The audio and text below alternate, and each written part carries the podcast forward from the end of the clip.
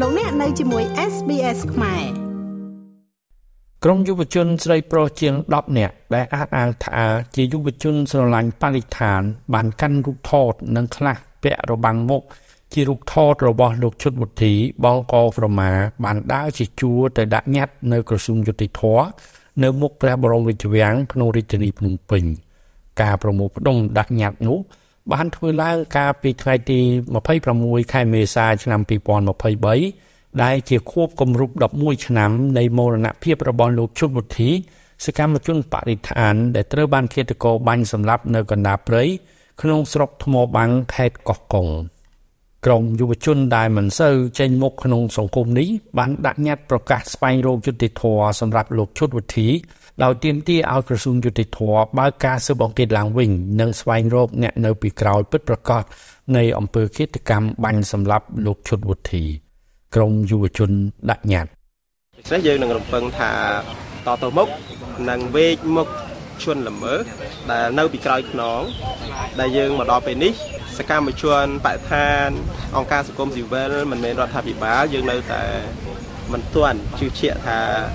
ជនល្មើសកន្លងដែលចាប់បាននោះជាជនល្មើសពិតប្រាកដឬក៏តែឯងនោះទេយើងជឿជាក់ថានឹងមានការតាកតងច្រើនជាមួយនឹងអ្នកផ្សេងទៀតដូច្នេះក្នុងការផ្ដល់យុត្តិធម៌ឲ្យលោកឈុនវុធី ដែលជាសកម្មជនបរិស្ថានដែលបានលះបង់អាយុជីវិតរហូតដល់ស្លាប់ដើម្បីការពារព្រៃឈើនេះនឹងទទួលបានភាពត្រឹមត្រូវតាមច្បាប់ តាមរយៈការវិច្ចមុខរកជនល្មើសពិតប្រាកដផ្ដល់យុត្តិធម៌ទៅដល់គាត់និងក្រុមគ្រួសាររបស់គាត់ហើយក៏ដូចជាពួកយើងដែលជាអ្នកគោរពស្រឡាញ់ទាំងអស់គ្នាប៉ុន្តែខ្ញុំជឿជាក់ថាអ្វីដែលលោកឈុនវិធីចង់បានជាងគេមិនមែនត្រឹមតែពួកយើងមកជួយរោយុទ្ធធម៌ឲ្យគាត់ទេអ្វីដែលលោកឈុនវិធីចង់បានជាងគេគឺឲ្យពួកយើងការពារព្រៃព្រៃស្រុកខ្មែរព្រោះព្រៃស្រុកខ្មែរយើងជិតអស់ហើយព្រៃដែលសល់ថប់ជាងគេគឺព្រៃឡង់ឥឡូវសំបីអាព្រៃឡង់ក៏គេកាប់រាល់ថ្ងៃ ពួកយើងជាយុវជនបាននាំគ្នាមកដាក់ញត្តិនៅក្នុងគោលបំណងស្នើសុំឲ្យស្ថាបឲ្យក្រសួងយុតិធធជួយជំរុញទៅដល់ស្ថាប័នអាយកាដើម្បីធ្វើការស៊ើបអង្កេតដោយឯករាជ្យម៉ត់ចត់ដែលយើងអាចជឿទុកចិត្តបាន ថាតើជំវិញឃាតកម្មនៃការបាញ់សម្លាប់លោកឈុតវុធីដែលជាសកម្មជនប្រៃឈើដ៏ឆ្នើមរបស់យើងទាំងអស់គ្នាការកំណត់អ្នកបញ្ជានិងអ្នកពាក់ព័ន្ធនៅពីក្រោយឃាតកម្មនៃការបាញ់សម្លាប់លោកឈុតវុធីយកមកទទួលខុសត្រូវទៅតាមផ្លូវច្បាប់ ព្រោះយើងឃើញថារយៈពេល11ឆ្នាំហើយដែលយើងនៅតែអត់អាចទទួលយកបានថាលោកចំពោះគិតកម្មទៅលើលោកឈុតវុធីគឺយើងអត់ទាន់បានទទួលបានយុត្តិធម៌សម្រាប់រូបលោកទេអញ្ចឹងយើងជាយុវជនជំនាន់ក្រោយដែលចងចាំអំពីវីរៈភាពគោរពនៅវីរៈភាពនៃការលះបង់ការខិតខំប្រឹងប្រែងនៃការការពារប្រៃឈើរបស់លោកសម្រាប់យើងទាំងអស់គ្នាយើងឃើញថានៅពេលដែលបាត់បង់លោកឈុតវុធីដូចជាបាត់បង់នៅ ធនធានមួយដែលសំខាន់នៅក្នុងការការពារប្រៃឈើនៅក្នុងប្រទេសកម្ពុជាហើយយើងឃើញថាបច្ចុប្បន្នប្រទេសកម្ពុជាកំពុងតែមាននៅវិនិស្សកម្មព្រៃឈើយើងឃើញថាករណីនៃការកាប់បំផ្លាញព្រៃឈើទាំងនៅតំបន់ព្រៃឡង់ទាំងនៅព្រៃបេះរកានិងនៅតំបន់ផ្សេងផ្សេងទៀតនៅតែមានជារៀងរាល់ថ្ងៃអត់មានឃើញស្រាកស្រានទេការបាត់បង់វរៈជនការពីព្រៃឈើលោកឈុតវិធីជាសោតនេតកម្មដ៏គួរឲ្យសោកសនាមួយសម្រាប់ ប្រជាជនខ្មែរជាពិសេសអ្នកដែលស្រឡាញ់ព្រៃឈើលោកឈុតវិធីគឺជាជនគំរូគាត់បានពង្រឹងសិទ្ធិអំណាចរបស់សហគមន៍មូលដ្ឋានជាពិសេសគឺនៅក្នុងតំបន់ព្រៃឡង់គាត់លើកទឹកចិត្តឲ្យសហគមន៍ចេះប្រើប្រាស់នៅសិទ្ធិរបស់ខ្លួនឯងដើម្បីការពារព្រៃឈើដែលជាទ្រព្យសម្បត្តិរួមរបស់ប្រទេសកម្ពុជារបស់យើងជាពិសេស ព្រៃឈើមានតម្លៃនិងសារៈសំខាន់សម្រាប់បម្រើដល់ជីវភាពរស់នៅ និងជា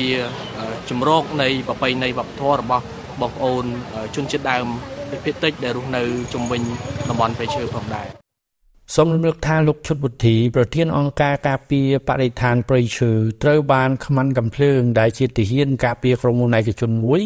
បានបាញ់សម្លាប់ខណៈពេលដែលលោកនាំស្ត្រីនយោបាយព័ត៌មាន2នាក់ ខ្មែរម្នាក់និងបរទេសម្នាក់នៅកាសែត Cambodia Daily ជាភាសាអង់គ្លេសបានចុះទៅយកព័ត៌មាននៅតំបន់ព្រៃឈើក្នុងស្រុកថ្មបាំងខេត្តកោះកុងកាលពីថ្ងៃទី26ខែមេសាឆ្នាំ2012ភ្លាមភ្លាមមន្ត្រីយោធាឈ្មោះអិនរតនាដែលគេអះអាងថាជាអ្នកបាញ់សម្លាប់លោកឈុតវុធីក៏ត្រូវបានទីហ៊ានម្នាក់ទៀតបានបាញ់សម្លាប់ភ្លាមភ្លាមនៅពេលផ្ទុះអាវុធនោះ រីឯស្ត្រីអ្នកកសែតទាំងពីរនាក់នៅទីនោះដែរគឺมันមានរងគ្រោះថ្នាក់អ្វីឡើយក្នុងសំណុំរឿងឃាតកម្មបាញ់សម្លាប់លោកជុតវុធី មានតែបុគ្គលិកក្រុមហ៊ុន Timber Green ឈ្មោះអរ៉ាន់បូរតតែម្នាក់ប៉ុណ្ណោះត្រូវបានតុលាការខេត្តកោះកុងកាត់ទោសដោយផ្ដន្ទាទោសនៅថ្ងៃទី22ខែតុលាឆ្នាំ2012ឲ្យជាប់ពន្ធនាគារ2ឆ្នាំពីបទបាញ់សម្លាប់មន្ត្រីយោធា ដែលត្រូវបានគេអះអាងថាជាអ្នកបាញ់សម្លាប់លោកឈុតវុធីទោះជាយ៉ាងណាក្រុមអង្គការសិទ្ធិមនុស្សនិងសកម្មជនបរិស្ថានព្រៃឈើមួយចំនួន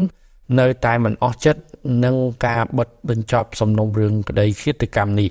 ដោយតុលាការត្រឹមតែចោទប្រកាន់និងកាត់ទោសទាហានម្នាក់ដែលបានបាញ់សម្លាប់ទាហានដែលគេអះអាងថាជាអ្នកបាញ់សម្លាប់លោកឈុតវុធីខណៈដែលអ្នកនៅពីក្រោយសំណុំរឿងឃាតកម្មនេះ មិនត្រូវបានរកមុខឲ្យឃើញនោះឡើយឲ្យតែដល់ថ្ងៃ26ខែមេសាជារៀងរាល់ឆ្នាំតែងតែមានសកម្មជនអង្គការសង្គមស៊ីវិលនិងសកម្មជនបរិស្ថានមួយចំនួន